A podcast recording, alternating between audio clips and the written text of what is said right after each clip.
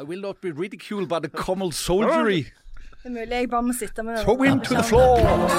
And very roughly.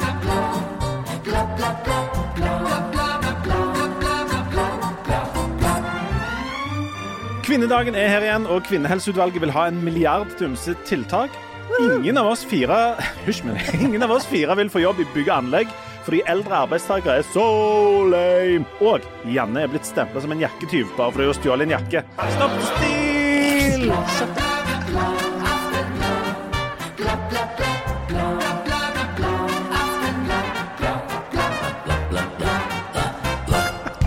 Hjertelig velkommen til Aftenbladet sin eh, kriminalitetsspesial. eh, Tufta på um, Janne Stigen Drangsholt sitt tyveri av jakke i Paris, men den var på halv pris. Jeg har ikke stjålet den jakken, og nå har jeg funnet en løsning, eh, tror jeg. Jeg har tenkt å klippe av den der For det- han er litt lang på armene. Vent litt. Hvis, Ja, okay. hvis noen ikke husker dette fra sist det, vi, vi har jo kun snakket om dette i ei uke nå, og kommer til å snakke om dette i en, den neste timen. Men du, Janne, var ute på tur. Hvor var du hen? I Paris. I Paris, ja. Eh, og så uh, stjal du en jakke. Nei, jeg gjorde ikke det. Jeg kjøpte ærlig og redelig en jakke. Okay. Men når jeg kom hjem til Norge Så viste det seg at du hadde stjålet den Så viste det seg at de lot som jeg hadde stjålet den. Hvem er de? Nei, de i butikken. For de hadde ikke tatt av Ja, alarmen. for greia er at den alarmen den sitter fortsatt på Janne. Ja, den gjør det. Ja, og der har du jo et forklaringsproblem. Ja, jeg har jo det, men jeg har òg kvitteringen. Men jeg syns det er så flaut å gå rundt med den kvitteringen. For jeg kan jo, det er jo ingen som vet at det er kvitteringen for den jakken. Det kan jo være, det er jo en fransk kvittering. Men du Det sier kan jo være nå kvittering for bagett. En alt det det kan, For alt de vet, så kan det være det, ja. Eller en eh, Café Oli. Ja. Men, men altså, du sa nå, hørte jeg, at du trodde du hadde funnet en løsning. Ja, fordi jeg har jo veldig korte armer. Så den er Vi jo har jo så korte armer, er ikke det ei bok? Er det litt de De korte små armene? armene. Ja. Ja, de små armene. Så jeg, det jeg lurer på, er om jeg kan eh, For han er litt lang på armene.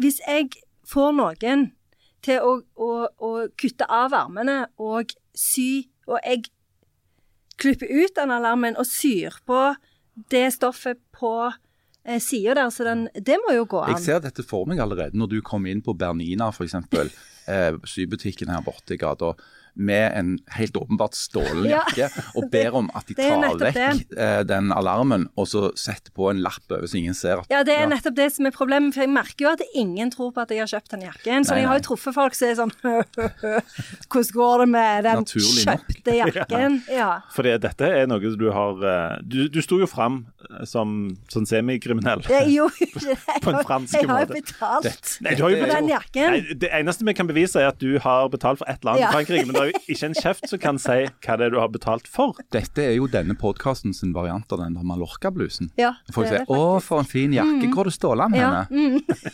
Men det jeg, det jeg beit meg merke i, som var et sånn interessant snikskryt, uh, var at du sa, og dette sier jo litt om din uh, posisjon i samfunnet Du sa at selv om han var på halv pris, så var han ganske dyr. Han var det. Ja. Dette, Og det er det som irriterer altså, i meg den setningen, La oss analysere den setningen. Hva sier den om f.eks. din økonomi? Mm, Og, dine, og at- din smak og dine vaner? ja, skal jeg si, nå skal jeg si noe. Jeg, bryr- dere vet jo at jeg er en person som bryr meg om klimaet, sant? Jeg vet at du er en person som har en voldsom inntekt og formue. Og derfor så er jeg veldig mot fast fashion. Jeg syns det er viktigere å kjøpe noen plagg som gjerne er litt dyrere, men som du kan ha for alltid. Og det har jeg òg med på. nå fistbumper de rikeste. så- rikeste, de med million, millionlønn, de fistbumper nå. Redaktøren og professoren. Skal vi fistbumpe sånn nederst ved bordet? jeg, jeg, jeg. Jeg skulle si en ting til. Jan Sahl Zahl som elsker kapitalismen, han er så Ja, er jæklig opptatt av folk Og derfor som har mer penger jeg, er unner dere. Jeg unner dere er hver en krone. Fra han står opp om morgenen til han sovner ute i firedraget. Så elsker jeg med kapitalisme. Er Ja, og, men samtidig en enorm misunnelse. Det er en sånn eh, Det er eh, Du, er det et fuck human i fuck mı? Det er egentlig det det Ja, er. det er kanskje Ja. et fuck you, men Ja. spørsmål. Ja. Ja. Ja. Fordi at du reiser til Paris, og så kjøper du slash stjeler en jakke til halv pris.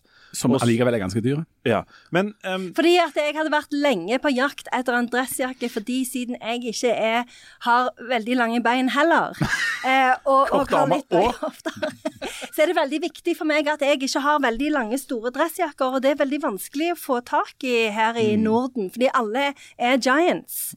Eh, så, så jeg var veldig fornøyd når jeg fant Ja, denne ja, dressjakken ja, som passet klart til min høyde. sant? U, Ja. u, Ser altså, jeg har et, eh, og et forslag til løsning her. Har du? Ja, og det er fordi at du har en jakke med um, et litt sånn tjuveriaktig anheng på sida, og så har du litt for lange armer på den jakken. Ja. Så det du trenger, det er et menneske som kan fikse dette problemet, som òg er i de gater som hater fast fashion. Og jeg er gift med en sånn en person I know it. som syr. Ja. Um, Men tror hun at jeg har stjålet den jakken? Det Nei, er det jeg hun, lurer på. hun tror i likhet med alle andre jeg kjenner at du er verdens aller aller beste menneske, og har egentlig bare lyst til å være med deg absolutt hele tida.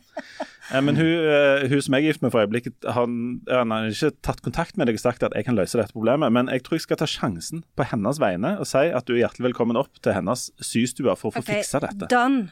Fordi det er jeg veldig interessert i å både være med kona di, som er verdens skjønneste menneske, og å få fiksa denne jakken. Ja, og så kvitte deg med dette tyveristempelet. Ja, men det tror jeg kommer til å henge over meg for alltid. Det For tror nå jeg tror jeg folk ser på meg som en litt sånn eh, person av svak moral. Men altså, en, en ting er at folk tror at du, eller vet, har skjønt at du er en person som stjeler ting i Paris, men de har òg etter hvert oppdaget at du er en person du kan henvende deg til hvis du trenger å kvitte deg med et lik. Ja, ja. Sånn at det er jo der, der er, der er mange sider med deg. ja. Og her har, kommet, eh, her har jeg nytt å melde. Ja. For gjett hva vi har kjøpt siden sist. Som plasttrekk det har bak i bilen. Eh, nei, vi hadde Sirkel, ikke kjøpt eller sånn dette. sag eller motorsag. Nei, Um, for vi har jo allerede gummimatter, så vi trenger jo ikke skalpell eller, eller du må, hvordan, Enorme for- mengder med salpetersyre. det, Notert. Notert. Det har vi ikke. dere, har ikke vært, dere har ikke tatt den helt ut og kjøpt et lik for å eksperimentere med hvordan dere kan bli kvitt det? Skal jeg si hva vi har kjøpt? Ja. Ja. Ja. Vi har kjøpt sånn, eller hadde vi kjøpt dette allerede? Nei. Fliseklutter. Flisekluttermaskin. Ja. Da er vi jo Ja. eliteserien. Fordi, og skal jeg si hva som skjedde, for meg, at vi tenkte vi må leie, sant? Eh, Ja, det fordi er på som grunn av klima. Ja. Så vi kjørte ut til naboen, og så sa vi har dere en sånn flisekuttermaskin, og så så han på oss, og så sa han nei. Og så sa han eller jo, men vi har en som går på diesel, så du kan hekte bak på bilen. Og da skjønte vi jo at han skjønte at vi var ikke hekta ting bak på bilen. folk. Nei, nei, nei.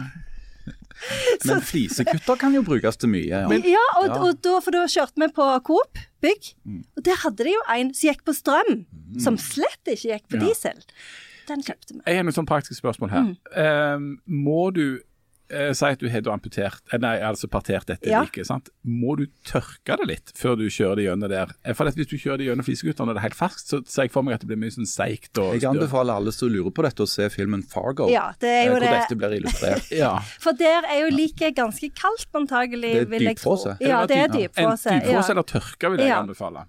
Altså, der er jo en sånn en eh, stapper som følger med denne Litt flisekutteren. litt som i sånn pølse når du skal lage pølser. Du kan jo kombi du kan kombi altså, du kan kombinere disse to. Det går an. Altså den kverna og en sånn pølsestapper. Og nå, fordi at Da har du jo litt av et prosjekt. det, da, altså Denne her berømte novellen der denne dama får eh, disse to poli, politietterforskerne til å spise opp Lammelåret. Eh, lammelåret, som er deler av et liv. det er, mord- nei, det er mordvåpenet. Ja, mordvåpenet. ja. ja Roald. Dahl. Har den Ja. blitt skrevet om nå? Ja, eh, den er nå, det, det her blir det invitert inn to sånne eh, sosialarbeidere, så kommer de inn der, og så finner de bare ut av det. Etter å ha spist sånne veganske muffins. Ja. Ja. De, blir, de, blir enige, de blir enige om at nå må vi bare være greie med hverandre, Ja. og så er det, um, det altså Det er ikke hun som har drept noen, det er Altså Hun har bare blitt stilt i en situasjon der hun ikke hadde noe valg. Ja. Ja, stemmer det. Dialogbasert er de. kommet. Du, Vi er kommet uh, for øvrig til den episoden i kvartalet der vi, har, uh, der vi skal introdusere alle de som sitter her Å ja. skikkelig. Ikke bare på sånn, Allerede? Allerede, ja. Det er, det er lenge siden. Men vi vet at det stadig kommer nye lyttere til. Ja, hei, Hjertelig nye velkommen. lyttere. Velkommen. Hei, hei. Vi forstår ikke hvorfor, men, men dette skjer. Uh, og noen lurer sikkert på hvem folk er. Um, Det lurer jeg òg på. ja. bortsett fra at vi har en kriminell, en eh, ultrakapitalist. Nå, nå fistbumper de igjen, det der Ja. Men de som sitter her, er altså Jan Zahl, som er journalist, kommentator og fagforeningspamp i Aftenbladet. Hei, hei. Det er han som snakker jærsk. Eh, og så har vi Harald Birkevold, eh, politisk redaktør i Aftenbladet. Som Hallo. er glad i å drepe dyr på fritiden. Jeg er ikke så, ja, jeg er ikke så glad i det, jeg bare, bare gjør det. Ja. Altså, Da snakker vi om jakt, Ja. hvis du skulle forklare noe skikkelig. Ja. Og så har vi Jan Stigen Rangsholt, professor i litteratur på Universitetet i Stavanger. Og språkforsker på fritiden. Og menighetsrådsmedlem. Eh, dekorert jakketyv. Butikktyv. liker godt å jogge mens hun griner. Og jeg heter Leif Tore Linde. Jeg er kommentator for tiden. Ja. Ja. Hva var det vi skulle si om Leif? beklager, Kommentator Leif Tore Det er ikke Ja. så nøye med meg. Jeg er født eh, kulturjournalist og misjonærbarn, men akkurat nå holder jeg på med noe litt annet. Politics. Politics. Politics. Politics. Og i dag er det later vi som i hvert fall det er 8. mars. Ja, det later som vi som. Juhu! Og uh, I don't know. Fight the power. eh, 8. mars er, eh, har jo vært kvinnedagen i eh, ganske mange år. Um, I 2000 år. I 2000 år. Såpass. Helt siden Jesusa ble Helt, helt fra mor til Jesus eh, brakte eh, verdens vakreste gave inn til verden. Ikke sant? Det er det som er opphavet. Um, og dette er jo en eh, dag som hvert år skal uh, markeres og diskuteres opp og ned og i mente, og det tenkte vi vi skulle gjøre her òg. Um, Janne, ditt forhold til eh, 8. mars. Hva, hva tid, hvor ung var du når du på en måte la merke til den dagen første gang? Er du oppvokst, ble du oppvokst i en heim som gikk i tog? Nei. Eh, jeg ble oppvokst i et hjem med kapitalister. Så det var ikke så mye fokus på 8. mars. Men eh, jeg, eh, jeg skulle, ble jo intervjua av eh, Vårt Land i går. Igjen? Igjen? Er det en slags spalte de har? Dette er en melding til vårt land. Dere må snart intervjue noen andre enn Janne. Det er andre folk. Kanskje NRK Rogaland kan slutte å intervjue Harald. Uansett, vær så god. Og da spurte de om jeg gikk i tog. Og det har jeg aldri gjort.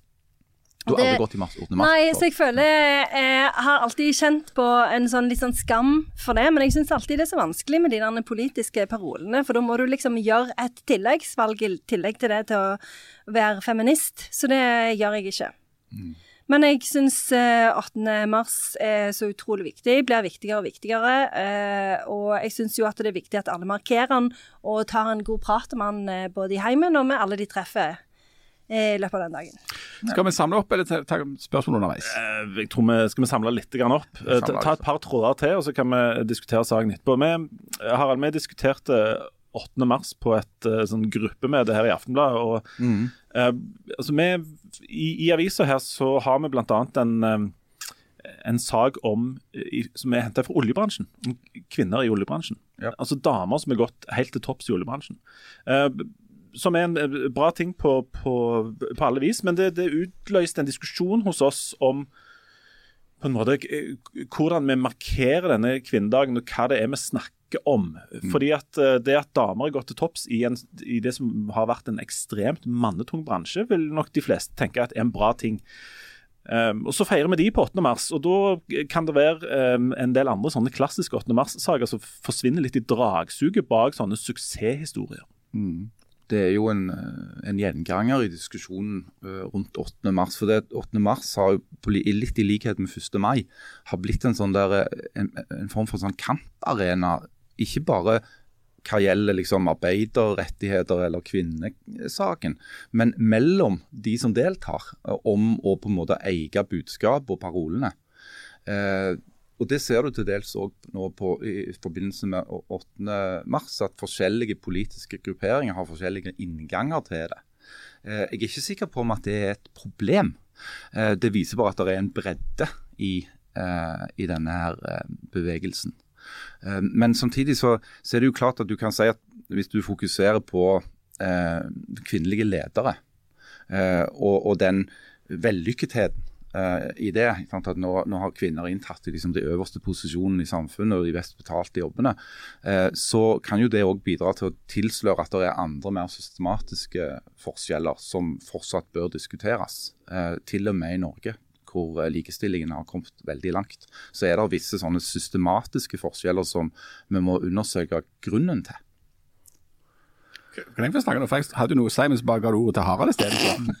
Som ikke hadde noe å si. jeg tenkte jeg skulle bare finne mer bensin til dette lille bålet som er i ferd med å bygge seg opp midten her. Nei, men kjør på, Jan.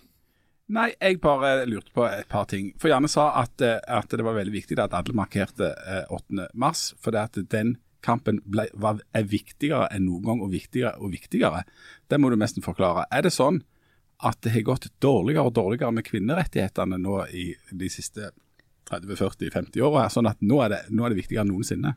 Nei, men jeg syns at eh, 8. mars er jo kvinnedagen. Men det, jeg tenker på 8. mars først og fremst som likestillingsdagen. Og likestilling er jo et utro... Det er jo det viktigste spørsmålet vi har å, å, å hanskes med. Og nå kommer jo Caitlin Moran, som skrev eh, boka eh, 'How to be a woman', og som også har skrevet ei bok om hvordan det er å være over 40, som er veldig veldig bra. Som er på en måte vår samtids eh, mest eh, eh, altså, hun er, hun er, en veldig sånn interessant eh, feminist. da. Hun kommer jo med en bok som heter 'What About Men' eh, nå. Og Det syns jeg er så utrolig viktig, fordi at det, um, det er jo sånn som så dere snakket om med dette her med å bli kvinnelige ledere og kvinnelige sånn suksesshistorier. Kvinner kan gjøre dette og inn. Men jeg tenker at de, den saken som har vært i Forsvaret eh, nå i det siste, den viser jo hvor enormt viktig det er å jobbe med holdninger til hva det vil si å være menneske. Altså, det er jo det som er den det ultimate målet for likestillingskampen, at vi skal se på hverandre som mennesker, først og fremst. Hva for en sak i Forsvaret snakker du om nå? Nei, Det er jo eh, problemet med at eh, eh jenter blir dårlig behandla i Forsvaret. De eh, blir voldtatt, de eh, opplever ulike former for overgrep, og de opplever jo å komme inn i en kultur som er egentlig ikke lagt opp til at de skal kunne være der. Altså, Forsvaret har i mange år sagt at ja, jenter må komme til oss, ta førstegangstjenesten, men så viser det seg jo at de har jo ikke lagt et system hvor det er like greit for jenter å være som det er for gutter å være. Og det gjelder jo bare altså Du kan bare se på sånne småting, sånn som det der med at det, uniformene er ikke lagt opp til at kvinner skal kunne gå på do i naturen. Når guttene skal gå på do, så trekker de bare ned eh, glidelåsen, ja, og så bare tisser de. Mens jenter må liksom ta av seg jakken, de må eh, ta av seg hele buksa, de må sette seg ned. Altså, det er, er, sånne ting som gjør at det finnes en ulikhet mellom gutter og jenter som, som, som en blir påminnet på hele tida, eh, og som skaper problemer. Og så er det jo dette, eh, Vi skal ikke gjøre kvinnedagen til en sånn dag der vi skal minne om at hele tida om at menn òg har problemer. Men det har jo vært framgang på mange fronter her, bl.a. pga. damer da, som har uh, stått på og i litt sånn 8. mars-ånd hele året. Um, Jan, du sitter og spinner bitte litt nå. fordi at du, Hver gang vi snakker om, om disse tingene, så så ble Jan veldig sint. Nei, men du klarer, ja, sint. Nei, men du kjøper jo ikke nødvendigvis um, Det dukker jo òg opp noen så, litt sånn elendighetsbeskrivelser i forbindelse med 8. mars som går, virkelig går an å krangle litt på. Nei, nei, men jeg, jeg mener, jeg er 1000 for likestilling og for likebehandling og for like muligheter. Altså Det må være eh, grunnpremisset her. Eh, det er, og, men jeg mener, og, og, det er derfor jeg mener at det er vi har kommet enormt langt i Norge. Vi skal jo virkelig glede oss over, at, over det arbeidet som har blitt gjort, blitt gjort på, på, likestillingsfronten, og som har gjort at, at eh, jeg vil påstå at kvinner, kvinner i Norge i dag har veldig gode muligheter for å leve gode liv. Og Det tyder også på en måte statistikken på at en faktisk gjør. Eh, og så eh, betyr ikke det at alt er ferdig der, og det betyr heller ikke at alt er ferdig heller for menn. sant?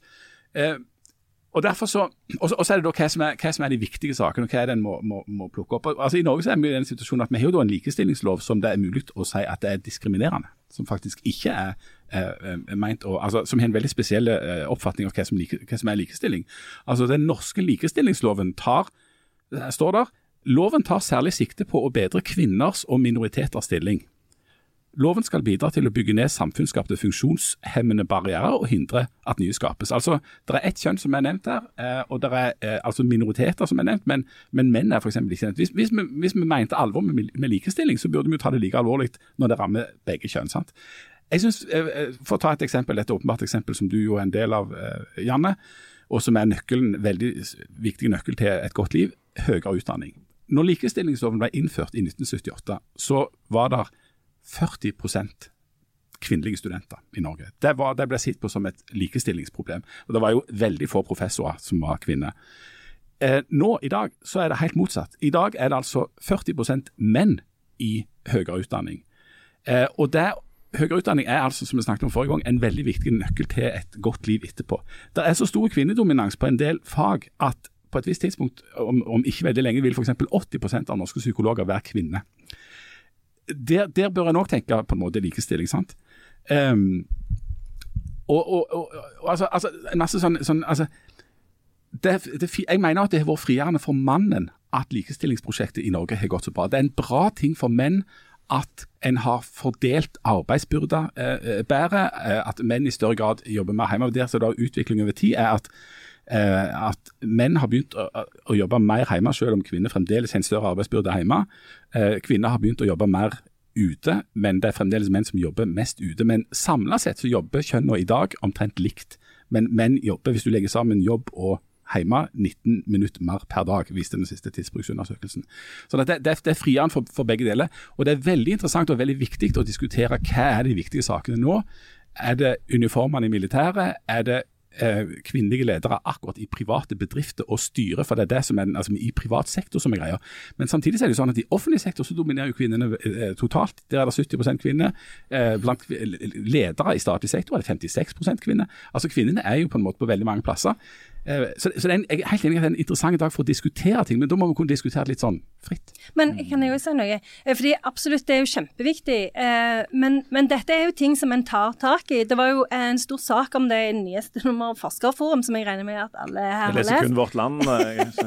Bare replikk, jeg har vært redaktør i Forskerforum. Ja, der ser du. Men, og der tok de jo opp nettopp dette problemet med f.eks. at det er altfor mange, ikke altfor mange, men at det er dominans av kvinner på fag som psykologi, f.eks. Psykologi er jo et problematisk fag i seg selv, fordi at karakterkravene er jo så sinnssykt høye at eh, de opplever jo at eh, folk får eh, sånn utmattelsessyndrom etter tre måneder på psykologi, for de er så utslitt etter å ha prøvd å komme inn på det faget. Så der er det jo andre problemer i tillegg. Men der pekte de på et veldig interessant problem, som er dette at jenter har vært eh, mye mer villige til å omstille seg på å velge Altså, en velger fremdeles ganske sånn tradisjonelt når en skal velge yrke og utdanning. Men, men, jenter har vært flinkere, eller liksom jenter har vært mer omstillingsdyktige og har valgt mye bredere i løpet av de siste årene enn guttene. Så det er jo noe som en jobber med nå. Hvordan kan en få gutter til å velge mer utradisjonelt? Hvordan kan en få gutter til å, å velge bredere? Og sånne debatter er så utrolig viktige å ta, og det er jo det, sånn som du sier, mm. det er jo det en bør huske på på denne likestillingsdagen. For likestilling er jo å se på hverandre som mennesker og ikke som kjønn. Det var jo det mm. Mary Wollstonecraft sa på slutten av 1700-tallet, og det er det vi bør jobbe for fremdeles.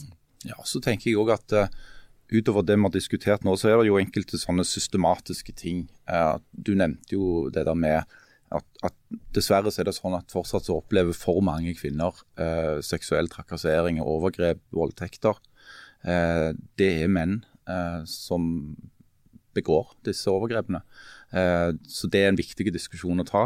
Eh, det er òg et internasjonalt solidaritetselement i en 8. mars, hvor eh, Norge er et, nærmest et unntak i verden.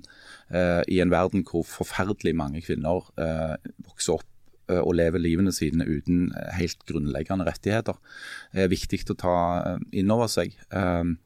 Og at det òg i den norske befolkningen nå er forskjell på kvinners stilling i kan du si, majoritetsbefolkningen og i enkelte minoritetsgrupper. Og så, og så pleier de jo, Mediene pleier jo å lage sånn sak om, om lønn, eh, og det er jo, er jo viktig. Eh, og så pleier det å komme noen sånne oppslag ut på i oktober-november, eller hva det er for noe, til av så tjener liksom ikke damer noen ting. Eh, og Da hadde det vært fint å, å, ja, få inn litt sånn faktaopplysninger. Fakta Ja, men da ser jeg meg òg opp litt, for det der er Ja, det er jo dustete. Ja, det er dustete. For, for, for, altså, realiteten er jo, det går an å si at menn tjener mer enn kvinner, men det har, da må en gå, på en måte, må være fordomsfri og kunne gå inn i hvorfor. Jo, grunnen til det er at menn i stor grad jobber i privat sektor. og De jobber mer. Eh, mens eh, kvinner velger offentlig sektor og eh, jobber mer deltid. Det er forklaringen. Det er forklaringen. Men det er et område som, um, som det er mye snakk om nå, um, og, og, det handler om kvinnehelse. Mm. Ja. Uh, det har nettopp kommet uh, en rapport fra Kvinnehelseutvalget. Som har undersøkt og diskutert både statusen til kvinnehelse og en del tiltak som kan gjøres. og Der er det, det er mye mye der. De vil bl.a. ha gratis prevensjon, mer seksualundervisning. Um, og en, det er snakk om en kvinnemilliard, som dette kvinnehelseutvalget foreslår. De har, I den rapporten er det fire hovedfunn. Um, Bl.a. at kvinnehelse har lav status, altså at leger og sykepleiere rangerer lidelsene som rammer kvinnene lavt. Altså De blir mindre forska på, og den type forskning får mindre penger. Uh, det er manglende samordning. Um, Altså, Politikerne mener at kvinnehelse er viktig, men det skjer lite liksom, ute i helsetjenesten. Um, og Dette går særlig ut over kvinner som har komplekse og sammensatte lidelser. Uh, det er det de kaller en sviktende kunnskapsbro. altså At vi har mye forskning og uh, kunnskap, men at det ikke går ut til helsepersonell. Um, og det er også Et siste punkt er at kvinner sine stemmer får lite gjennomslag. altså Selv om mange snakker om dette, her, så viser det seg at det faktiske gjennomslaget er lite. Og, og kvinnehelse er på en måte blitt en av de eh, vel nye tingene som, som det er veldig mye snakk om nå, Janne. Um, hvorfor det? Eh, ja, jeg syns det er ganske imponerende at de har klart å få dette på dagsorden, for det jo, har jo vært et problem lenge. Um, og det er jo um, Sannsynligvis fordi kvinner har mer makt i samfunnet, tenker jeg at dette i det hele tida har blitt en, sånn en, en sak. da. Eh, og, og, det er jo ganske sånn hjerteskjærende å se eh, at kvinner som har eh, endometriose og har gått rundt med smerter i alle år, har, får, liksom, har, bare fått beskjed om å ta seg sammen, og det er vondt å ha mensen. Ja. Og òg at det er liksom en sånn at det er en sykdom som folk kjenner seg enormt lite til, når én av ti kvinner lider av den. Så enormt mange.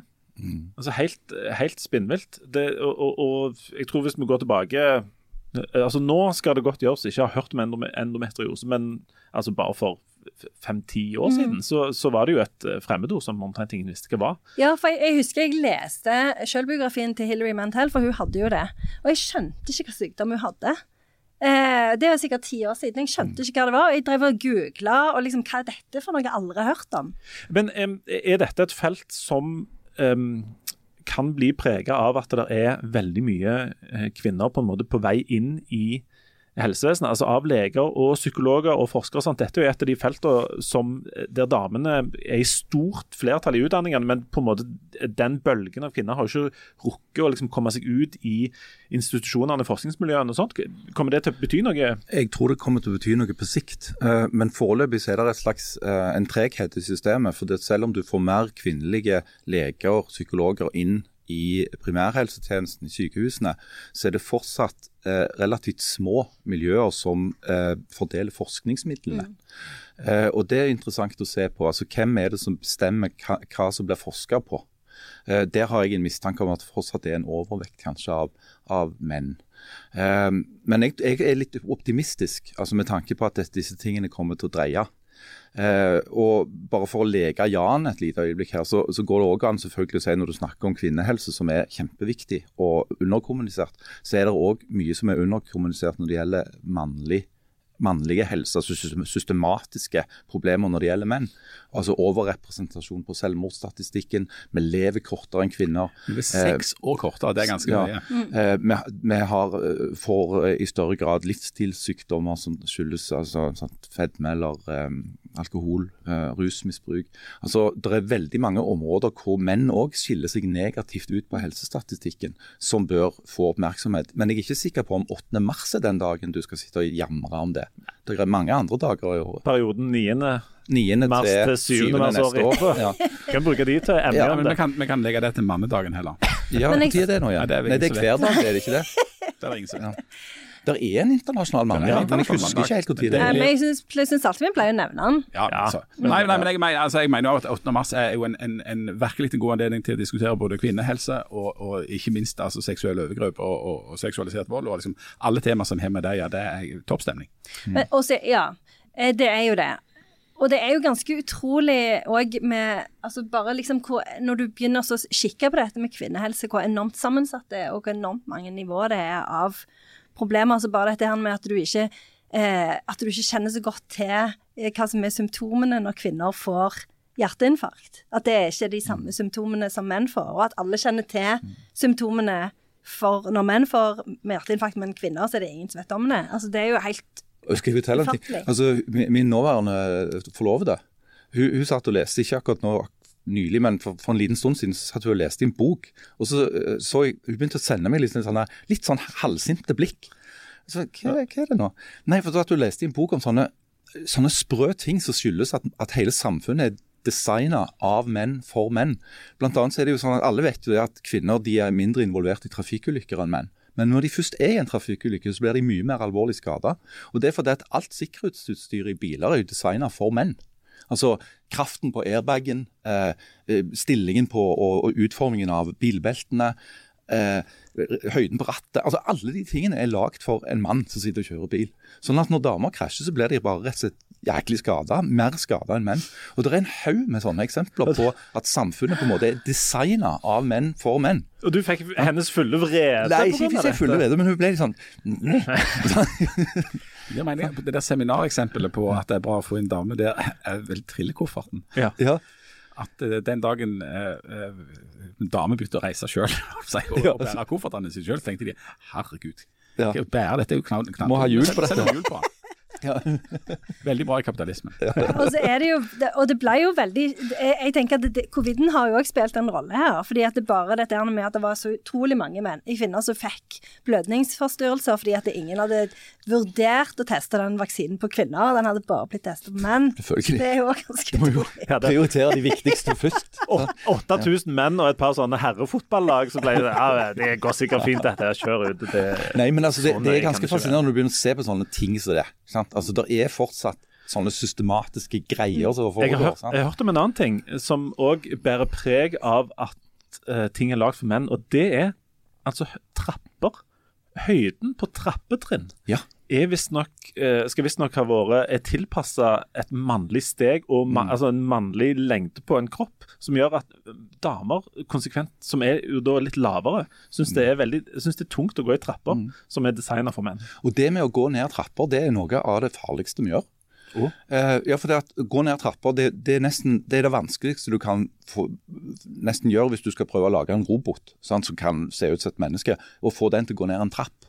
Da må du virkelig ha en supercomputer, for det, er eh, det blir beskrevet som et kontrollert fall.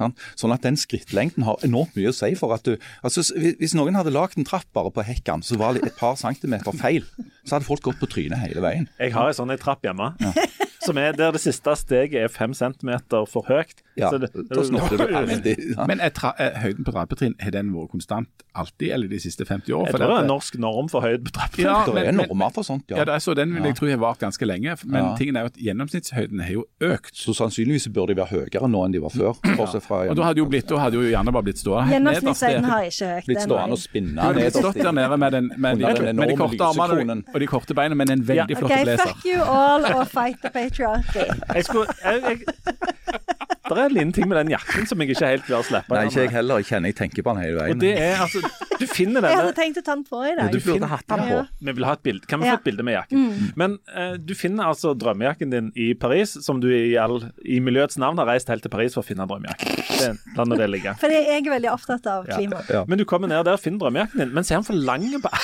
Så er han for lang Men jeg på ser to hva du armene. slapp ut av det flyet for å få tak i den Jeg betaler jo en sånn liten CO2-skatt, så avlat, som det kalles. Ja.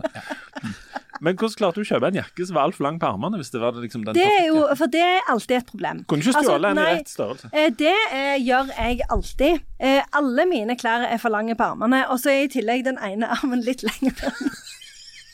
Hæ? Ja, akkurat denne er jo Ja, den er jo lang liksom, ja. Har du den ene armen lenger enn den andre? Ja, så, for jeg er litt skeiv i kroppen. Så, eh, så denne, er, denne her er litt kortere. Så, så, så derfor så må jeg alltid liksom Jeg bretter de inn. Inn under. Ja, ja. Ja. Og buksene er jo alltid for lange. Jeg har det omvendte problemet. Alt, alt er for kort Ja, ja, det er et tilsvarende problem, men motsatt. Nå kan jeg bare komme med en, en faktaopplysning. Romanen 'Vi har så korte armer' ble gitt ut i 2002, er skrevet av Olav Nilsen. Ser du det? Ja. Ja, ja, stemmer det. Jeg eh, gikk på skolen med en som hadde på russekortet alle barn har rett like lange armer. Jeg mente at det var, sto i denne FN, eh, denne tøflesaktige Ja, den der. Ja. Ja. Alle barn har rett til å bo i et hus, eventuelt en leilighet. Og Det var liksom barneunderholdningen før. Ja. Tenk det. Det var, Det var det der østtyske. Ja. eh, den der barne-TV. Nå trenger vi en pause for å tenke litt på dette, ja, så kommer vi snart tilbake.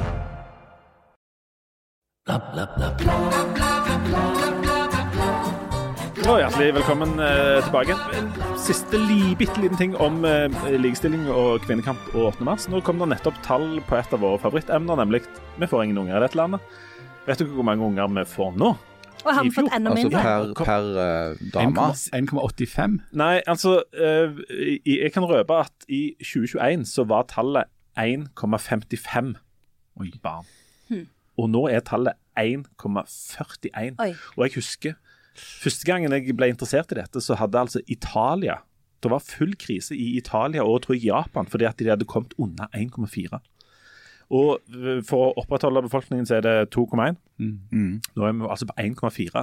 Har dette sammenheng med eh, kvinnefrigjøring, og, eh, Janne, tror du? Ja, fordi eh, dette har vi jo snakket om før. Ja. Det er tredje skiftet. Eh, kvinner har ikke lyst å få barn før de føler at de har nok fuck you-money.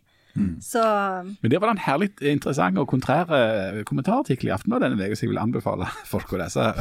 Eh, selv? Heidi Hjortland Vikstrand, eh, som skrev om eh, folk klagde etter der eh, middelklassedamene med interessante jobber og høy lønn og stor familie, at det var så mye tidsklemmer. OK, da må de begynne å si nei til ting, da. Skjønner. ja, det var jo det eh, den gangen vi ble cancelled som familie.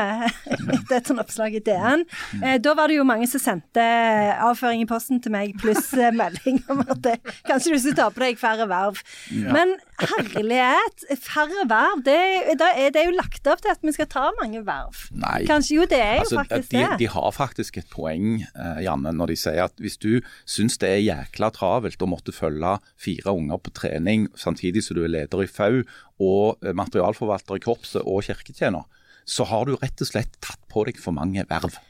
det er, da syns jeg at flere folk kan rekke opp den fuckings hånda si. Ja, men du trenger, ikke, du trenger ikke gjøre det du, bare fordi at ingen andre vil. eh, akkurat på dette området har jeg en teori om at det er en viss, en ganske stor andel i befolkningen som òg liker å ha det travelt, kombinert med at de ikke tenker at jeg skal ikke legge skjul på at jeg har det travelt, og at det er en slags kombigreie der, og at det ikke er sikkert at de blir så enormt utslitt av det, men at de liker det. Hun eh, Sanna Saroma, som jeg veldig ofte blir irritert av, eh, fin- hun finska, vet du, som er lærer på Hamar eller hvor det er og skriver i, i VG av og til. Ting er bedre i Finland. Lillehammer, tror jeg. Eller på Lillehammer. Hun skriver alltid om hvor tåpelige nordmenn er, og hvor dumt alt er her, og at det er mye bedre i Finland. Men hun hadde en sak her en dagen som handler om litt det samme som det Heidi skrev om. Nemlig at hvis du er, har, føler at du har tidsklem, og at det, det er forferdelig å ha tre unger og du har ikke tid til noen ting, så går det an å bare rett og slett sette ned forventningene i noen år.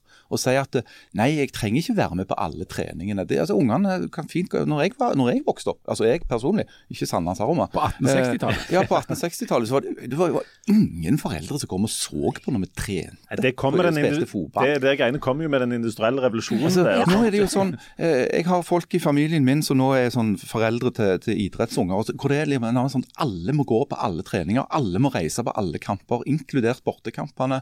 Eh, altså, Det er et jækla oll å være liksom foreldre til den der gruppa med ungdommer. Men problemet er jo gjerne ikke først og fremst de der fotballkampene. Problemet er vel først og fremst at du har blitt solgt en idé om en drøm, og den drømmen består jo av å ta utdanning og få seg en jobb, og gjerne eh, jobbe noen år, og så få barn. Og så når du endelig skal få barn, da så er det kanskje litt seint, og du sliter litt med det. Så Altså, skal det du på trening, så på zumba, og så skal du på, eh, på ha venninnekvelder med bobler og på eh, Matmagasinet. Og så skal du reise i helgene til interessante steder som Paris, hvor du stjeler jakker. Uh, ikke sant? Og alle disse tingene, når du legger det sammen, så blir det jo et sånn et jækla stressende middelklasseliv som handler om å projisere vellykkethet i alle kanaler. Og alt skal jo dokumenteres på Instagram og Facebook. Ikke sant? Gjør sånn, gjør sånn som Harald. La ungene gå for lut og La de kaldt vann. gå for lut og kaldt vann. Ha- Harald har en plass mellom to og seks unger der ute. Og noen, Hei, hei, hvis det er noen av dere som hører på. og noen av de eh, klarer seg helt fint. Er, Hilsen pappa. ja, det er et par som, eh, som ikke har helt, vet Jeg våkner jo fortsatt eh, hver morgen, slår jeg opp øynene, lykkelig plustrende med tanken på at jeg aldri mer skal på dugnad i noe slags eh, korps eller idrettslag. jeg skal på dugnad på torsdag. Stakkars deg. skal vi ikke alle. Vi må komme oss uh, litt videre. Vi har fått, uh, jeg har fått et par spørsmål som jeg egentlig tenkte vi skulle gå gjennom, men vi, skal, vi har begynner å gå litt tom for tid. Uh, men bare veldig kort kommentar. Uh, Kjempen Olav Tufte vant 'Mesternes mester'. Er, Yes! er meningen med at det var rigga? Det var, Det var det så rigga. Det var så rigga. Det var det vel ikke. Hun holdt jo på å slå han på den kanonen på slutten. Det, det, det, det der, eh, jeg er i ferd med Kjempen Ola Tuff, du for en mann. gi noe Altså, du kan ikke la det være en del av finalen med en sånn øvelse som er akkurat den greia han holder på med. Ja. Jo. Hva var det, sånn rokonkurranse til slutt? Ja, det var jo basically en Det var jo rokonkurranse. ikke det. Jo, vi skulle Eh, trekke var, den var, det, var det den balanseringa eller denne skytinga med Det var en haug er med ting jo som var akkurat mer, sånn mer eller mindre designa for Kristin Holte òg. Pluss at jeg reagerer sånn på måten de holder på, de der kommentatorene. Det var liksom Ja, se der løper Kristin. Ja, der plukker Kristin opp en ball. Men se på kjempen, Ja, Se på kjempen! Og brannmannen! Bonden Olaf Tufte! Maskinen Olav Tufte! Nazisten Olav Tufte! Altså, jeg regner meg som relativt bein i, i eh, Altså som en linjal i, på altså, Bare si det sånn. Hvis han hadde spurt om du ville komme på gården hans, så hadde du takt inn nå lite stunt som avløser. Sånn. Ja. Og vi går videre. Men det er helt, men det er helt åpenbart, jeg er helt enig i de der kommentatorene har vært forelska i Olav Tufte ifra første dag. Not that there's anything wrong with that, men nå, nå, nå går vi videre. Det var en, bare en bitte liten setning i, i en sak eh, som sto i Aftenbladet, der um, eh, entreprenøren Bjørn Risa var uh, intervjua. Nei, nei, nei. nei. Han sa jo noe for, forferdelig. Ja, Ja. Han vil ikke ansette folk over 40. Det var ikke folk, det var ledere. Ledere. Var det bare ledere? Ja, okay. Ja. Okay. ok. Eh, bare, er det bare jeg som hoppet litt i stolen? Nei, folk ble jo kjempesure. For Ja. nå har jo Aftenbladet, etter at vi hadde den saken der Bjørn Risa sa disse tingene, grusomme tingene, eh, så har det jo kommet til vært det, det vi kan definere som en slags leserstorm. Ja. Eh, folk har reagert Ja. på dette, at de mener det er aldersdiskriminering. Ja, for jeg tror annet det er ulovlig. Ja, det ser du. Så nå må Bjørn Risa i fengsel. Men det, Er det det? Ja, sånn? ja, ja, men det er alders, altså, der er noen regler. Du, du kan ikke lyse ut jobber der du enten sier at ja, du, du, vi skal kun ha folk under 40, eller vi skal, dette, eh, skal vi kun ha menn eller vi skal kun ha damer i denne jobben. Det er faktisk, det er ikke lov å diskriminere på kjønn eller alder eller på religion eller på både ditt og datt. men du kan velge når folk kommer inn. Men altså, det, er jo, det er litt som å stjele en jakke. Det er bare ikke lov, på en måte. sant? Du har ikke lov å spørre om folk er syke heller, lær- lærte jeg her en dag. Nei, det har du heller ikke lov til. Så. Si at du ansetter noen i en jobb hvor du skal liksom løfte mye, så har du ikke lov å spørre om du har problemer med ryggen. Nei. Men, men det der med at, eh, det der med at arbeidstakere åpenbart heller vil ha unge folk enn gamle altså Det er for så vidt ikke arbeidstaker, arbeidsgiver. Ja, arbeidsgiver. Det, det er jo ikke noe nytt, men ehm, det, det er et sånn misforhold mellom at at alle blir eldre, mens alle de folka alle vil ha, er de unge. Ja, det er noen løgnas greier der. Men si at du da tilfeldigvis er en leder i en stor entreprenørbedrift på Jæren, som f.eks. heter noe som er Smisa. Smisa. Eh, og så har du eh, sett rundt deg i, eh, på møte, ledermøte og funnet herregud, her er det mange eh, halvgamle menn. Vi burde hatt noen yngre, og vi burde hatt noen damer. Er det galt? Altså, Jeg trodde det var faktisk sånn som de heia på, rent i sånn likestillingsmessig. Vi ønsker å ha bedre kjønnsfordeling, vi ønsker å ha bedre aldersfordeling. Men du har ikke lov å gjøre noe aktivt for å få det til. Men, sånn? nei, men samtidig så blir jo den norske befolkningen i, i stort blir jo eldre og eldre og eldre. Så, og alle vil jo da se rundt seg og se at alle andre blir eldre, og vil da ha noen yngre. Så det er noen sånne store regnestykker der som ikke går opp, hvis alle bare vil ha de Ja, du, unge. alle sier at ja, ja, eh, vi blir jo eldre, og velferdsstaten kollapser, og eller, folk må jobbe mer. Men det er ingen som vil ha de Nei. der gamlingene til å jobbe. Nei. Og folk vil helst pensjonere seg så tidlig som mulig. Så dette går jo ikke opp. Men når er du gammel? Når er liksom cut-off time for å få en ny jobb, da, f.eks.? Ja, den, er, den er jo en eller annen gang tidlig til 50 år, eller rundt Ja, 50. 52 Ja. eller Toget 50. har gått for meg, Nei, for å si det sånn. Ja. Men du har jo fått jobb i veldig, veldig, veld, veldig, veldig framskreden alder, du. Ja, jeg har det. Utrolig mm. Under over alle under. Under og De over leita etter masse folk under 40, vi fant ingen. Fant ingen. Eh, For det var ingen som var interessert i lokalpolitikk i Sandnes og det Stavanger og Jørpeland. Så da ble de sittende Det det her vraget. Og så det, det der brevet, ja vel, du får jobben, da ble jo også sendt feil. Det var ikke det, var ikke det jeg skulle. Men, men, men det er jo interessant at det er, altså, det er mye interessant her. For at jeg vil jo si at enhver arbeidsplass ville ha godt av balanse igjen, altså likestilling. At det er eh, noenlunde jevnt både på, på kjønn og på alder. At det var sånn, ja.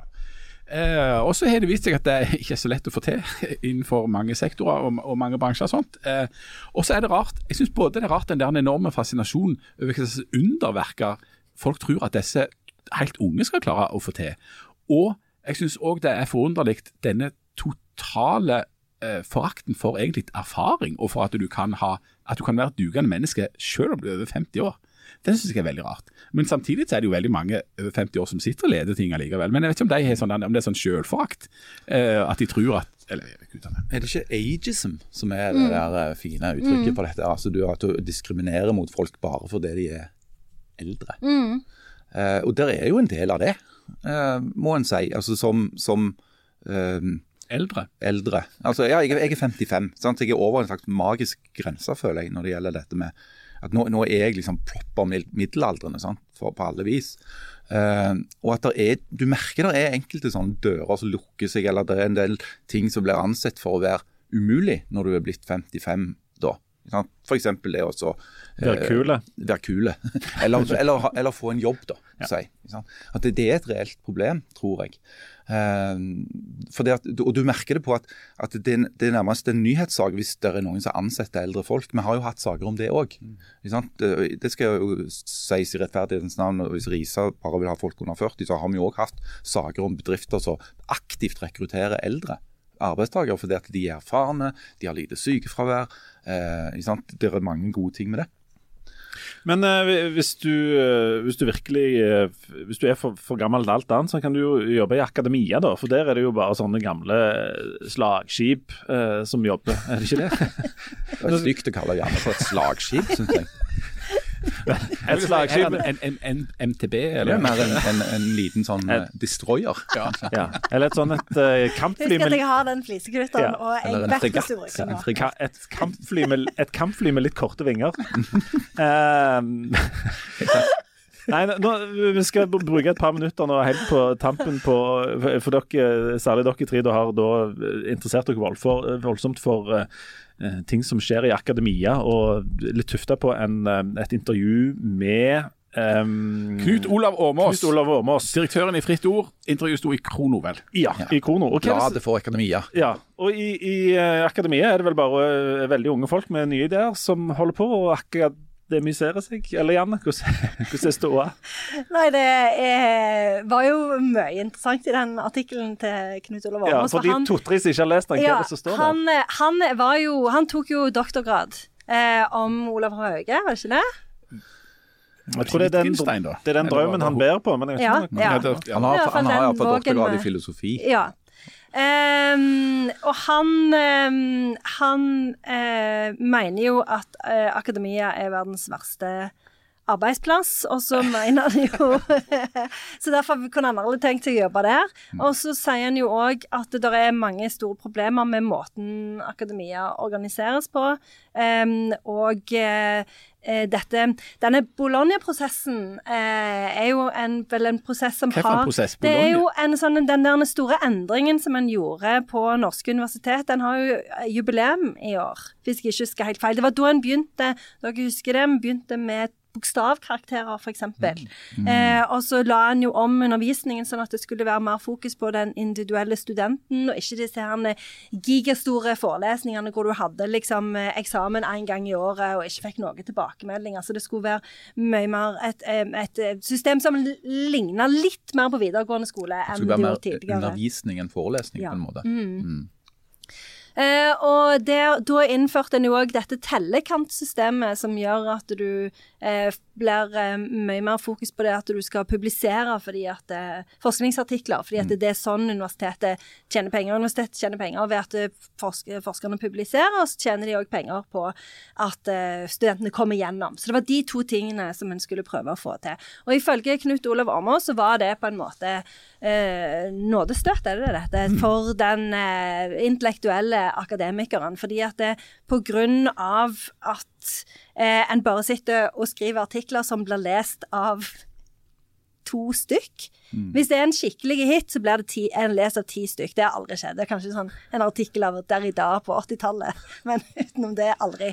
Så, så, eh, så da eh, Men av at det der er så sterkt fokus på å publisere disse smale, smale journalene som ingen leser, så går ikke forskerne ut i, i verden og forteller om sin forskning og Og delta i samfunnsdebatten. Deltar i Det er jo også en ting som Åmås etterlyser. Det er jo de intellektuelle som i tillegg til å snakke om det, akkurat det de har tatt doktorgrad på Mm. og forsker på, kan uttale seg litt mer generelt om samfunn og politikk og hvordan ting henger sammen, og være til stede og være en stemme i, i den norske offentligheten. Mm. Og Han peker jo på at vi fortsatt altså de som, eh, For de som i det hele tatt tenker på disse tingene, da, de første du tenker på er sånne folk som Bernt Hagtvedt eller eh, Rune Slagstad. altså Folk som er godt voksne, pensjonister egentlig. Eh, hvor er de nye henne? Hvor blir de av? Og hvor er de som skal ta over den stafettpinnen og være de offentlige intellektuelle i dette landet? Hvor er de henne? Er de borte? Og så er det jo en annen ting som Åmås snakker Det kan du slippe å si, Janne, men han sier jo òg at akademia er befolka egentlig av onde og dumme mennesker som eh, bruker en masse tid på interne intriger mm. og eh, lager dårlig stemning og fyselukt, og at det er ekstremt dårlig ledelse eh, på mange akademiske institutter og eh, institusjoner. At det rett og slett er et nokså ræv sted å jobbe. Du nikker? Ja, jeg er helt enig. Og, og så sier han jo òg at det, det, er et problem at eh, kvinner eh, At det er òg et kjønnsproblem at kvinner ikke uttaler seg til mediene. Fordi at eh, når mediene ringer til kvinnelige forskere, så sier de nesten alltid nei. Og det er noe som vi kjenner oss veldig igjen i her i, i mediene. Det er altså et reelt problem. Når vi får kritikk for at vi har for få kvinnelige kilder, så er det ofte ikke fordi vi ikke har prøvd, men rett og slett fordi at mange kvinnelige kilder vegrer seg for å si noe. De, de viser deg videre til en mann. veldig ofte. Og, og, om det er et lite element her i at vi vil veldig gjerne ha med de, på en måte, de smarteste folka i de sånn offentlige diskusjoner. mens men de gjerne tenker at f.eks. hvis sånn vanlige norske medier ringer, så er det liksom at, ja, det, blir, det, blir, for dumt og for lett, og litt, nivået blir litt for lavt, og sånt, så, så fnyser de litt av det. Og så blir den, de diskusjonene vi har, dårligere fordi at disse folka ikke melder seg på. Og så er det en slags litt sånn nedadgående spiral der, um, som er en sånn samspill mellom sånn media og akademia. Jan. Ligger det noe sånn trøbbel der? Absolutt. Det handler litt om hva som gir prestisje i akademia. For det gir ikke prestisje i akademia å uttale seg uh, i til, en setning til nettavisen. Uh, til nettavisen. Det gir ikke poeng eller noen ting som helst. Sånn at uh, det har de på en måte ingenting å tjene på sånn i utgangspunktet å opptre i mediene. I tillegg så kan en jo oppleve, hvis, hvis en har noen lange og voldsomme resonnement, eh, at det blir fordummende. Mm. At du framstår som du er dummere enn du faktisk er hvis det er den eneste plassen du får er liksom 100 tegn i en eller annen uh, artikkel. for mediene driver jo og forenkler, rett og slett. Uh, også, og, så, og mediene vil jo ikke ha det, der lange og intrikate greiene. Men, men, det ender jo da med at, at forskerne bruker tida på det som gir uttelling for dem, og som er som deres sånn indre hierarki av hva som betyr noe. Det er jo disse artiklene. Og der tror jeg med tanke på Dette sier ikke Knut Olav Åmås noe om, men jeg tror det er et element av det det er nok en forskjell på hvordan akademia var altså når disse 68-erne som han på et vis kritiserer, når de kom inn, og hvordan det har blitt nå. For det, Tidligere så var det sånn veldig mye mer sånn større og bredere og, og, store spørsmål enn en på en måte uttalte seg om og, og, og snakket om i litt store bokstaver, uten å nødvendigvis ha skrevet en sånn forskningsartikkel på det. Mens forskning nå har jo blitt mye mer spesialisert. Mm. Altså En går inn i et mye mindre tema og spesialiserer seg på det, og går veldig veldig dypt inn i det. Eh, og Der er det ikke eh, nødvendigvis plass for de der store eh, resonnement eh, om univers og verden og historien og alt det greiene der. Det er sant. Så, så, så Derfor så kan de sannsynligvis heller ikke svare eh, de fleste, sånn som Bernt Hagtvedt og Rune Slagstad har. Men heldigvis er, er det jo noen unntak, kommer jeg på når jeg sitter her og tenker. Altså, du har jo Anine Kierulf, f.eks., eh, som jo er en norsk jurist eh, og ekspert på ytringsfrihet, som jo er enormt flinke til å formidle eh, og være faktabasert og komme inn, gå inn i debatter og, og på en måte fortelle hva som er den rettslige tilstanden og sånn. Veldig flinke. Eh, på Universitetet i Stavanger så er Svein Tuastad jo stadig vekk ute og, og melder om, om, som, som eh, samfunnsviter og, og som eh, i forbindelse med politiske prosesser. Eh, så, så det, det, finnes jo gode eksempler òg. Og, dette sier jeg ikke dette sier jeg i fullt alvor. Eh, det finnes jo sånne folk som eh, språkforsker Erne Stigen Drangsholt, mm. som Um, uh, Når Vårt Land ringer, du sier ja. ja, men, du, ja, men, ja, men dette, dette, er litt uh, helt enkelt, bare litt skrøyt. Altså, du, du, blir jo um, intervjua av mange ofte, og du er med her, f.eks. Uh, og det er jo ekstremt lite av det du gjør som handler om uh, Hughes uh, sin bruk av komma i bisetning, eller hva, hva slags greie det er du har. Hvis jeg skulle, fikk jeg lov å snakke om ja, det? Ja, og det får du ikke. Nei, nei men, po men, poenget er at du er, jo, du er jo professor på et felt som, som gjør at altså, Du kan jo mye mer enn akkurat det som du er på en måte sånn hyperspesialist på. men det er jo mange i, i liksom, som er i din situasjon, som ikke er melder seg på, eller som enten ikke tar telefonen eller ikke får telefonen når folk ringer, eller som kvier seg litt for det der. Men hvorfor, mm. hvorfor hiver du deg liksom ut i alle disse tingene? Eh, når jeg var ferdig med doktorgraden, så tenkte jeg jeg må jo få dette ut, dette om Ted Hughes, for det er så fascinerende. Alle har lyst til å høre om det egentlig, de bare vet det ikke sjøl. Mm, Eh, og da gjorde jeg jo det som vi ble oppfordra til å gjøre, og det er å skrive en kronikk om det du har spesialisert deg i. Eh, så gjorde jeg det. Eh, det var enormt vanskelig å få den utgitt. Jeg ringte til alle avisene. Maste og maste. Så kom det en film om Sylvia Plath med Gwyneth Paltrow eh, i hovedrollen. Det tenkte jeg dette er mitt moment, så jeg skrev en ny kronikk. Ringte til P2, spurte om de kunne intervjue meg. Eh, det gjorde de. Og da var jo jeg ferdig, på en måte. For jeg skjønte jo nå, det, nå har jeg ingenting mer å melde. Og så eh, eh, var jeg faktisk på et kronikkurs med Knut Olav eh, Åmås på oi. Mm. Og han sa Da var det sånn at da var, jobbet jo han i Aftenposten, så det var at vi kunne skrive noen kronikk, og så kunne, fikk vi den publisert der, da. Eh, og da sa han at det er så lett å bli intellektuell i Norge. Eh, du må liksom bare altså det, det, Dere skjønner ikke hvor lett det er. Her må dere bare stå på. Og det syns jeg var utrolig inspirerende. Så jeg skrev en kronikk om The Wire. Og var livredd, for jeg tenker nå kommer liksom det der pengeskapet til å treffe meg i hodet. Og hver gang når jeg eh, er på Jeg har, jeg har av og til litt sånn formidlingsseminar og sånn rundt omkring. Og hver gang så får jeg kritiske spørsmål. Fordi folk er sånn Ja, men du kan jo egentlig ingenting annet enn Ted Hughes. Hvorfor liksom uttaler du deg om alle disse andre tingene som du Fordi at du er en fri kan noe om? intellektuell. Du kan snakke om akkurat hva du vil. Men det er akkurat sånn som Jan sier, at det er ikke et klima for det. Nei, for du, du blir ikke nødvendigvis sånn internt øh, populær. Nå skal ikke du på en måte øh, oute noen og sånt, nødvendigvis gå i detalj om hvordan det er øh, for deg og i ditt, men, men vi vet jo at det er andre òg som har på en måte altså Du risikerer å bli rett og slett litt upopulære i disse miljøene hvis du er for mye ute, og særlig hvis du breier deg ut over felt som du ikke er sånn hyperspesialist på. Og Det er jo en veldig ja, det, det er på en måte forståelig, men det er litt rart òg at det skal være sånn. Og jeg, jeg mener at det er klin kokos. jeg. Fordi at høyere, altså, altså, høyere utdanning, akademia, er finansiert av fellesskapet. Vi betaler altså via skatteseddelen, og det mener jeg skal, det er godt investerte penger. Topp stemning at vi, at vi bruker penger på det. Men det er det offentlige som betaler for at en masse folk skal fordype seg i de mest avanserte tanker. Men minimum må da være at de formidler noe tilbake. Både i kraft av at de skriver disse artiklene, at de lærer opp nye eh, studenter, men òg at de formidler til en bredere offentlighet. At det skal være noe som skal bli liksom uglesett. At du formidler på en eller annen sånn litt sånn at, at du eh, dummer det litt ned, sånn at vanlige folk kan forstå noe av det som vi som fellesskap har investert i. Det er helt klin Jeg syns det i hvert fall er veldig positivt da at Klaus Moen, som er rektor på UiS, han er jo veldig for dette. Altså Han er veldig for at universitetet skal åpne seg mot omverdenen, og at det skal være en aktør. Og han er det jo sjøl òg. Han skriver kronikker i bl.a. i Aftenbladet. Eh, Ola Kvaløy der oppe på, på Handelshøyskolen er aktive eh, og formidler. Eh, skriver artikler i Dagens Næringsliv. Eh, sånn at det er jo eksempler på at det går an å få det til. Bjørn Kvalsvik Nikolaisen skriver jo fast i, i Dag og Tid.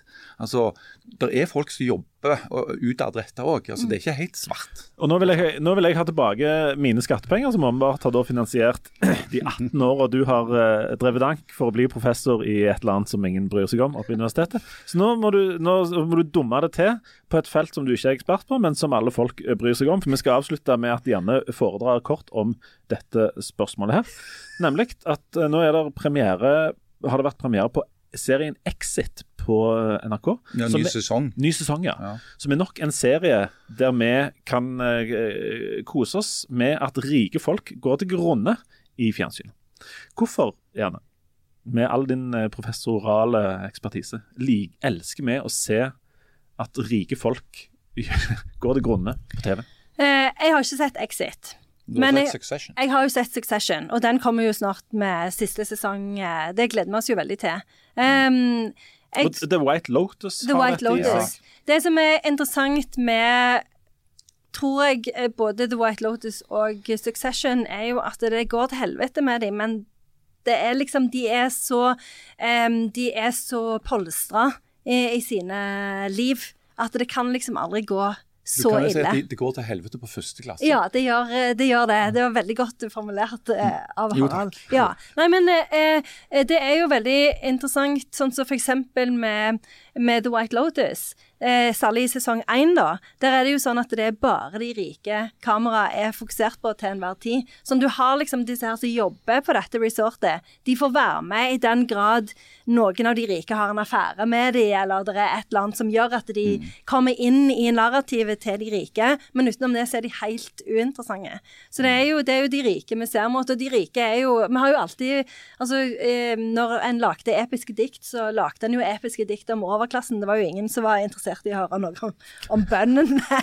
de som Nei, nei. liksom Altså, de blir jo, og det ser du jo i Succession òg, syns jeg. Det er ganske mm, brutalt. Ikke sant? Altså, hvordan disse folka som tilhører denne lille, lille privilegerte eliten, de ser jo på andre folk som egentlig ikke altså De har ikke noen menneskerettigheter. De, har, de, er ikke, de finnes egentlig ikke. De er der bare egentlig for, for å gjøre ting og være til stede og utføre ting som, egentlig som husdyr. Eh, og det er nok dessverre en del som har sånne holdninger. Og det kan jeg bare si en siste ting. Jeg syns det er så enormt interessant med en del av de der amerikanske TV-seriene for tida, hvor enormt mye som er en transaksjon. Altså Hvis du liksom begynner å tenke transaksjon i sånn mellommenneskelige handlinger, så er det helt vanvittig eh, hvor mye som er en slags sånn Altså Du får en sånn følelse av at de er de ser, sånn som du sier, Harald, de ser ikke på hverandre som mennesker. Alt er liksom en transaksjon som Altså, i, i hva slags grad kan dette styrke meg og min eh, livsstil? Mm. Syns det er helt utrolig fascinerende. Et siste spørsmål. Hvis du er, en, um, hvis du er i, overklassen og er ute på tur, eh, kommer til et fint mothus som er fullt av penger og ser, får muligheten til å stjele en jakke, er det da umoralsk å stjele den jakken? Um, Jeg stjal ikke denne fuckings jakken. Jeg betalte for den jakken, eh, og at de glemte ja, og så vi, vi, vi var bare ute og gikk en tur. Så eh, ble vi så veldig eh, eh, kalde på hendene våre. Så tenkte vi at bakeren har kanskje eh, bakt brød, tenkte vi. Og så skulle vi bare varme oss litt på hendene. Så gikk vi inn med sekken åpen. Ja. Og så bare datt alle de datt- kakene ja. nede i sekken. Ja. Det var sånn det var i Paris òg. Og så datt Men melkesjokoladen datt bare det. Jeg vil bare snakke med kona di om dette. Ja, Okay, det Ingen andre. Det. Og, og eh, by the way, eh, har, har alle sett siste episode av Nei. Nei, Nei, nei, har jeg. Ja, Nei, nei. Ikke si ikke, Du milde Ja, ja, og Ikke, si noe. Nå du må ikke si noe mer. nå er vi i apokalypsen. Nå, nå snakker vi business, ja. ja. Bare siste spørsmål om jakken. Nei, Jeg vil ikke snakke om jakken mer. Jeg angrer på at jeg tok det av. Hvis, hvis du nå går inn i en butikk, Ser du disse fingrene?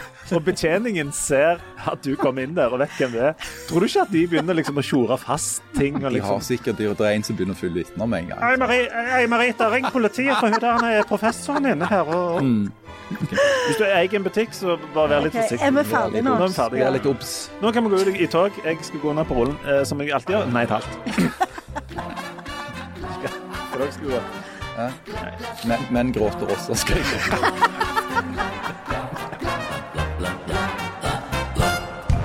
så, eh, det er, Datteren min hadde søkt meg opp på chat, chat Og da sto det at jeg var forfatteren av boka 'Oss menn mellom'. Ja visst. Ja. Den òg? Ja. Når kom den ut? Nei, det er et par år siden. Ja. Jeg skal prøve å få lest den. Har dere sett? den? Men det var ikke du som burde skrevet den, vi har så korte armer. Var jo egentlig det. Ulik lengde. Ja.